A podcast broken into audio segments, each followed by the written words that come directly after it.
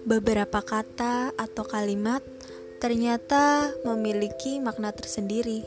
Sama halnya, perasaan yang kita utarakan pun pasti ada makna tersirat untuk para pendengarnya.